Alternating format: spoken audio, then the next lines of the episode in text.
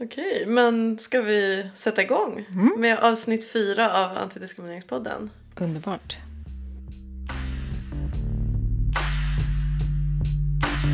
Vi som sitter här idag, det är jag, Olivia och Andy. Yes. Ehm, och det här är alltså avsnitt fyra av Antidiskrimineringspodden som görs av Antidiskrimineringsbyrån Uppsala. Ehm, vi är ju en lokal antidiskrimineringsverksamhet som arbetar med att ge kostnadsfri rådgivning och stöd i diskrimineringsfrågor ehm, men också arbetar förebyggande genom utbildning och opinionsbildning i frågor som rör diskriminering. Och det är där vi kommer röra oss idag och prata om utbildning och eh, hur vi utbildar lite. Eller inom vilka områden vi utbildar. Men jag tänker att vi, vi, vi pratar ju ofta om normkritik. Men det vi egentligen pratar om är ju just att koppla normer till makt och hur det hänger ihop med diskriminering. För normkritik handlar ju inte om att vara skeptisk mot allting. Det är ju ett förhållningssätt eh, snarare än en målsättning eller ett mål i sig. Att arbeta normkritiskt handlar om att titta på normer. Eh, men vi försöker också använda oss av eh, normkritiska perspektiv i sättet vi eh, bygger upp rummet eller bygger upp processen för att förebygga de här frågorna. Så det är precis som du säger Olivia, att det liksom är det handlar inte om att vi säger så här, nu ska vi berätta om vad normkritik är och vad normer är för någonting, utan vi ska prata om diskriminering utifrån ett perspektiv där vi liksom analyserar hur byggs förtrycket rent praktiskt? Vad händer i det här rummet som gör att diskriminering kan hända? Men också vända på det och säga hur, vad händer i det här rummet? Vad kan vi göra rent praktiskt för att förebygga att diskriminering kommer hända? Och, och det är därför vi beskriver det som att vi tittar på hur hänger normer och makt ihop med diskriminering? Vad är det som bygger upp rasism? Eller vad är det som bygger upp sexism i ett rum? Så utan att vi ska liksom peka på en person eller en handling eller så, här, så, så, så tittar vi på vad är det som bygger upp möjligheten till att de här sakerna kan, kan ske. Det kan göra ont att prata om de här frågorna. Det kan vara väldigt obekvämt. Det kan väcka starka känslor och bli obehagligt rent av. Och, um, därför när vi utbildar så brukar vi alltid börja med en övning som vi kallar tryggare rum. Om vi sätter oss tillsammans och faktiskt samtalar om hur ska den här gruppen fungera under den här tiden vi ska prata om de här frågorna. Eh, då går det också att, att skapa ett klimat som är tryggare utifrån deltagarnas egna upplevelser eller ingångar i det hela. För vi vet ju också någonstans att genom att göra den här typen av överenskommelser, det är ju inte regler på något sätt, utan det handlar om att, att hitta gemensamma förhållningssätt för hur ett samtal kan föras. Ja, men när vi har precis, när vi har gjort det så, så kan vi också så här, på något sätt pusta ut och säga att så här, men nu har vi pratat om det här, nu har vi liksom, nu har vi redskapen för att kanske eh, stoppa i situationer när det, när det blir obekvämt eller tungt. Vi har också Eh, redskap för att dela upp gruppen på olika sätt. Alltså vi har kommit fram till olika saker som kan underlätta ett sånt här samtal. Men jag tänker att det är också viktigt att, att säga och det är därför vi kallar det för tryggare rum. För att det här är, ju, något som hela tiden måste uppdateras. Det är inget som på något sätt är liksom ett vaccin mot att ja, men när vi har gjort den här övningen då kommer diskriminering i det här rummet inte hända. Eller då kommer det vara lätt att prata om de här frågorna. För det är det inte. Men om vi tittar lite mer specifikt på den här övningen så, så är ju resultatet av övningen Tryggare rum just att, att komma fram till någon form av överenskommelse om hur ett samtal ska föras i gruppen. Ja, men då brukar vi eh, prata, alltså vi brukar ge lite exempel på vad, vad det kan vara, men, men det är också eh, ja, men det, det är väldigt liknande saker som brukar komma upp i alla grupper som vi jobbar med, med den här processen. Men, men någonting som skapar möjlighet och lättare möjlighet och det vet ju många om eh, är att eh, jobba med olika typer av samtal. Att man kanske har både storgruppssamtal där det är möjligt att liksom inte prata om man känner för, för att vara tyst. Men vissa kommer känna att de verkligen kan ta plats i en större grupp. Men också dela upp och ha liksom samtal i mindre grupper eller ha rundor där alla har möjlighet till att få ordet och så. Och ingen av de här samtalssätten är ju hundraprocentigt tryggt för, för någon. Mm. Jag, jag är en person som tycker om förutsägbara rundor där, där man liksom vet att så här, personen som sitter bredvid mig kommer prata och personen som sitter bredvid den personen kommer prata nu och så här. Eh, men för en annan person så är det jätteotryggt för då sitter de bara och tänker på men nu är det tre personer kvar tills det är min tur, vad är det jag ska säga? Alltså det är ju otroligt olika vad det är som, som funkar i, i en grupp och därför så är det bra att ha olika former för samtal helt enkelt. En annan sån där sak som ofta kommer upp är ju så här, eh, vi ska ha ett respektfullt klimat och det ska vara högt i tak. Eh, för vissa är det en, en, motsättning i sig, att säga både respektfullt och högt i tak. Ehm, men respekt är ett jättevanligt sånt ord som kommer upp när vi pratar om det här. Då måste vi också titta på vad betyder respekt i det här specifika rummet. För även om 97 av 100 sa ordet respekt så finns det säkert 97 olika definitioner av vad det innebär. Och vi brukar också ta det som exempel att um, att ja, högt i tak, absolut, men vi får inte kränka varandra. Och vad händer? Vad gör vi då om det är så att någon råkar kränka någon annan?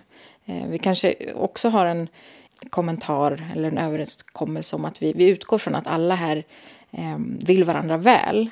Ja, absolut, det kan vi göra, men vi behöver också ha en funktion eller en form för att kunna säga stopp om det är så att vi går över någons gräns. Mm. Så att det samtalet också blir tryggt. Mm. Men att, att säga att vi vill ha det högt i tak får aldrig resultera i att någon annan kränks. Det är en, en grundförutsättning någonstans. Alltså högt i tak, jag, jag, liksom, jag har så mycket respekt för att folk tycker att det är väldigt viktigt att ha högt i tak. För att jag tror att det som, som många vill säga också när, när vi pratar om det i, som en del av ett tryggare rum är också att man vill säga så här.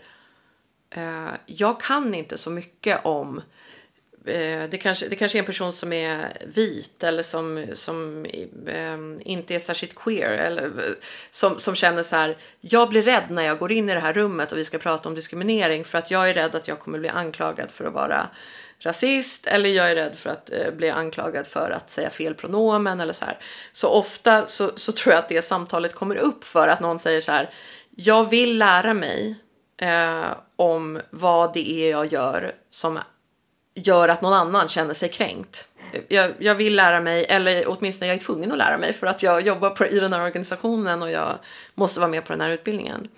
Men jag är rädd för att när vi pratar om det här så kommer jag bli tillsagd och åtsagd. Eh, jag, jag, tycker såklart att det, det viktigaste är ju att personer som är vana vid att bli utsatta för förtryck dagligen eh, på olika sätt känner sig trygga i en situation när man pratar om de här frågorna. För att det är ju vanligt om det är så att jag liksom är utsatt för mycket förtryck till vardags så, så ska jag verkligen inte bli eller liksom ska jag verkligen ha verktyg för att vara skyddad från förtryck i det här rummet. Men jag förstår också den här tanken av liksom att ha högt i tak. Vi måste också på något sätt göra så att det blir möjligt för folk att också ändra perspektiv, att mm. förstå. Och då kan det vara som jag tror att för tio år sedan när jag utbildade i de, i de här frågorna och så, så kunde jag kanske snabbare tända till när någon, tända till tror jag, men, men att jag kunde snabbare vara så här, ja okej, högt i tak det betyder att du vill kunna säga vad som helst och inte ta ansvar för det om det kränker någon. Eh, jag kunde bli liksom lite sur över den, liksom det sättet att eh, tänka, men jag kan också förstå eh, tanken att jag vill kunna förändra, jag vill kunna vara i en förändringsprocess där jag är med om att skapa mer jäm, ett mer jämlikt samhälle eller mer jämlik organisation. Men jag vill inte, jag vill inte känna mig helt dum när jag tänker högt kanske. Mm. Så att någonstans är ju också vårt jobb när vi liksom jobb, när vi ska jobba med de här förändringsprocesserna att förstå alla de olika perspektiven. Men såklart är ju det viktigaste perspektivet att vi vi utgår ifrån att vi ska förebygga diskriminering. Vi ska ge verktyg för att förebygga diskriminering. Mm. Och eh, de här överenskommelserna ska ju vara ett sätt att kunna prata om hur vi ska göra det utan att någon blir utsatt. Och det tänker jag också när du säger så här, att få ställa frågor eller ja, då en sak som kommer upp ibland är också så att få provtänka högt, att få, mm. få reflektera högt. Och det är ju superbra, eh, så länge man då inte går över en gräns och börjar kränka någon genom sina frågor eller så. Men om vi också föreställer oss att alla vi pratar om finns här i rummet så får vi en, en ett mer respektfullt samtalsklimat också. Mm. Ja, och det är ju faktiskt också ganska vanligt, tänker jag, eh, när, när vi jobbar med process, eh, processer kring förändring. Att många tänker sig att det de jobbar med är bemötandet av externa. Eh, och, och då kanske man säger så här, ja men, ja men alla finns ju inte i det här rummet. Liksom. Det, vi har ju inte någon som är homosexuell som jobbar på den här arbetsplatsen. Eller liksom, men vi kanske möter någon som Alltså det, det, där, där behöver man hela tiden backa tillbaka och tänka så här, du vet inte det. Eh, och det här handlar inte om bara en bemötande fråga. Utan det här handlar om hur ser det ut internt. Så att om man tänker sig på en skola så om vi utbildar lärare på en skola eller liksom personal på en skola. Det handlar ju inte om att utbilda dem i, liksom att vi ska överföra på dem hur de ska förhålla sig till elever. Utan det handlar om att ha ett samtal. Vad, vad innebär eh, ja, men att förebygga diskriminering är ju också internt i kollegiet, liksom, mm. i en personalgrupp. Eller liksom, det handlar ju inte bara om att man kan, man kan ta på sig en, en lärarkostym eller liksom sin jobbkostym och hur jag bemöter dem som jag träffar i mitt jobb. Det är inte en bemötande fråga utan det handlar om både internt och liksom, alltså vad som händer mellan mig och andra människor. Och då också tänker jag så här, vad, vad vet vi om våra kollegor? Det är ju inte så att vi tänker att en tryggare rumövning ska vara en liksom, komma ut-övning. Men att, att sätta ett samtalsklimat i en grupp som möjliggör för personer att vara sig själva och mm. vara de de är. Det arbetet måste ju börja långt tidigare. Att till exempel um, fråga redan på en anställningsintervju vilket pronomen en person vill att man använder om när man pratar om dem. Mm. Eh, det kan ju göra att hela eh, bemötandet av en person börjar redan där. Mm.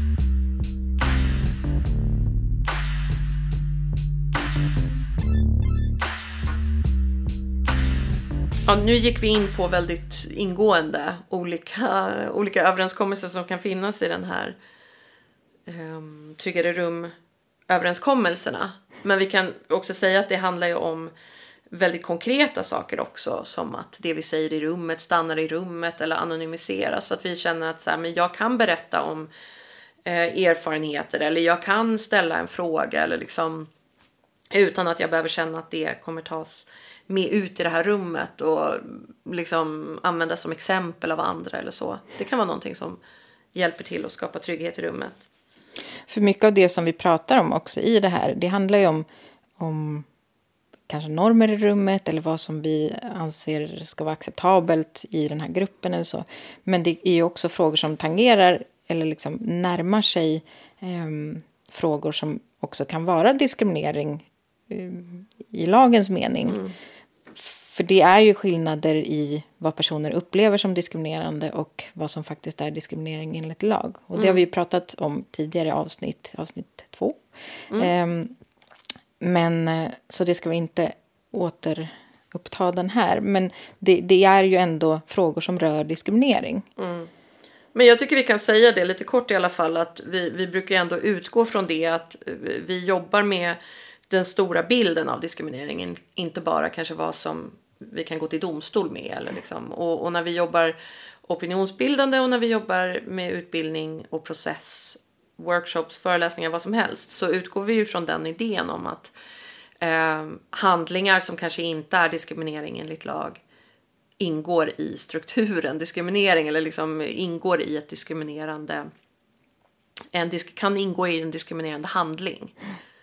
Eh, så utan att gå in på det liksom mycket mer exakt vad det, exakt vad det betyder så, så är det ändå något som vi tycker är viktigt att jobba med och försöka förstå hur olika handlingar kan vara um, ja, men viktiga att motverka även om de inte går att ta till domstol Mm. som diskriminering enligt lag. Och det är ju också en del av den förebyggande lagstiftningen som finns. Att alla arbetsgivare och utbildningsanordnare ska arbeta förebyggande mot diskriminering. Och det betyder att, att titta på vilka risker som finns. Det behöver inte ha hänt redan utan att titta vad ser vi risker, var ser vi risker i vår verksamhet för att diskriminering skulle kunna hända. Ehm, och det tänker jag också är viktigt för där det är ju i det gränslandet det förebyggande arbetet ligger någonstans. Men det är också ett lagkrav att göra det. Att titta på det ur förebyggande synvinkel. Liksom. Men ett sätt att göra det är just att titta på ehm, normer och hur de samverkar. Eh, olika normer samverkar med makt och att det kan utgöra en risk för diskriminering.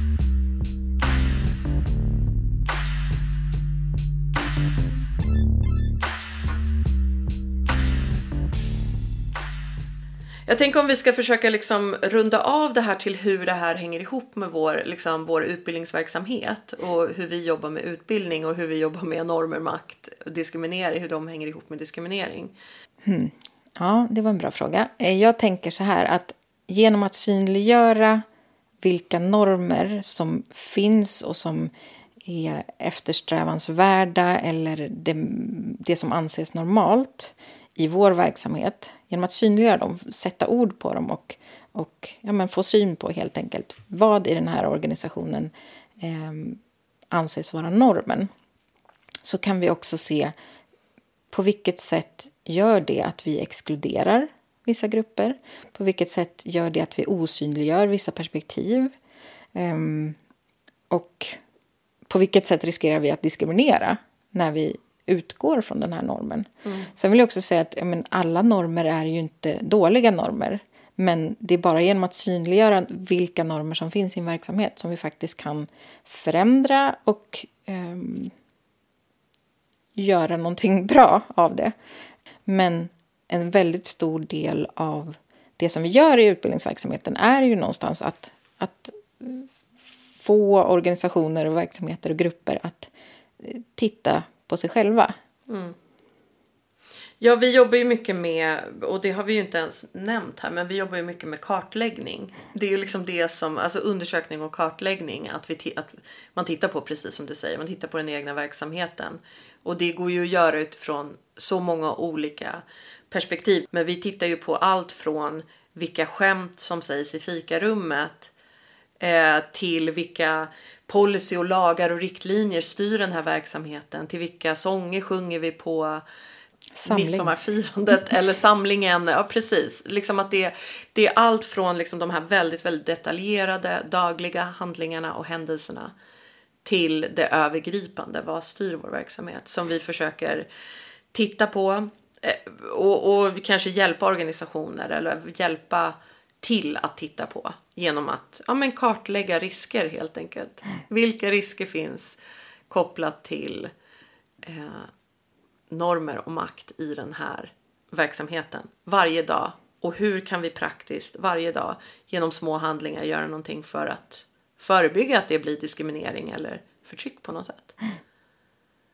Ehm, och, och jag tror att någonting om vi ska liksom avrunda genom att säga någonting om vad, vad vi vill med vår utbildningsverksamhet eh, så är det och, och, och något som vi är, är vana vid att eh, jobba med i vår utbildningsverksamhet så är det just den här praktiska förankringen. Liksom hur så här, små praktiska som till exempel att komma på att, att en fruktskål eh, skapar ett tryggare rum eh, när man ska ha ett möte för att det går att höja blodsockret när, när det behövs. Eller liksom hur de här små, små praktiska sakerna som man gör i, en, eh, i sitt dagliga liksom, arbete eller på en skola eller vad som helst. Hur de små praktiska sakerna faktiskt påverkar eh, och kan förebygga diskriminering men även vara normskapande på ett sätt som blir diskriminering. Så det praktiska arbetet skulle jag säga är en avrundande liksom, sammanfattning av, av hur vi försöker jobba med både processer där vi träffar verksamheter en gång om året, flera år i rad eller en gång i månaden liksom i ett år eller en workshop på en halv dag eller en föreläsning på en timme. I alla dem så, så skulle jag säga att vi, vi hoppas att, liksom, att få syn på det praktiska. Och där finns det ju också någon slags snöbolls eller så här spridningseffekt. Att börjar vi skrapa på en liten yta så är det ju oftast så att eh, personer också kommer på andra saker. Eh, så att det, det fortplantar sig. Mm. Liksom. Att börja någonstans är ju det som ger resultat. Mm. Um, I det lilla så sprids det. Mm. Ja, det är intressant. Det, det kanske vi också, nu har jag sagt avslutande om, om och, och kan inte riktigt avsluta, men det, kan, det är intressant för jag, det tänkte jag faktiskt på um, apropå att vi jobbar med aktiva åtgärder internt i den större organisationen som, som är Census eh, studieförbund som är vår huvudman. Men, men eh, där vi har jobbat med aktiva åtgärder och tar en diskrimineringsgrund i taget kan man säga, eller liksom ett temaområde i taget. Och det är först när man börjar jobba med liksom det andra eller tredje eller fjärde steget, fjärde liksom grunden eller sådär, som man kan börja se hur allting hänger ihop. Mm. Hur tillgänglighet kopplat till eh, toaletter eh, hänger ihop med kön och transfrågor och liksom, ja, men så här, hur det hänger ihop både med funktionalitet och kön. Och, ja, men så, här. så nu tror jag att vi har kommit till den där punkten att vi avslutar, att mm. vi är klara för idag. Härligt. eh, ska vi säga något, eh, vad är det vi brukar säga avslutande? Vi kan säga att det går bra att följa oss i sociala medier. Mm. ADU Uppsala heter vi på Instagram. Vi finns också på Facebook, Antidiskrimineringsbyrån Uppsala. ADU. Um, ehm, ja, men... Ja, och vi kan också säga att ni får gärna kontakta oss. Man kan ju vända sig till oss. Det finns ett formulär på vår hemsida. Om man har blivit utsatt för diskriminering så kan man fylla i eh, sina uppgifter och händelserna där. Eller ringa till oss eller mejla eller så. Eh, om ni har blivit utsatta för diskriminering och har frågor kring det. Eh, eller om ni har frågor kring utbildning såklart. Så... Mm. Eller om ni har tips eller så som ni skulle vilja att vi pratade om här i podden. Yes. Det går också bra. Mm. Ja, men eh, tack för idag då. Tack för idag. Då avslutar vi. Hej då. Hej då.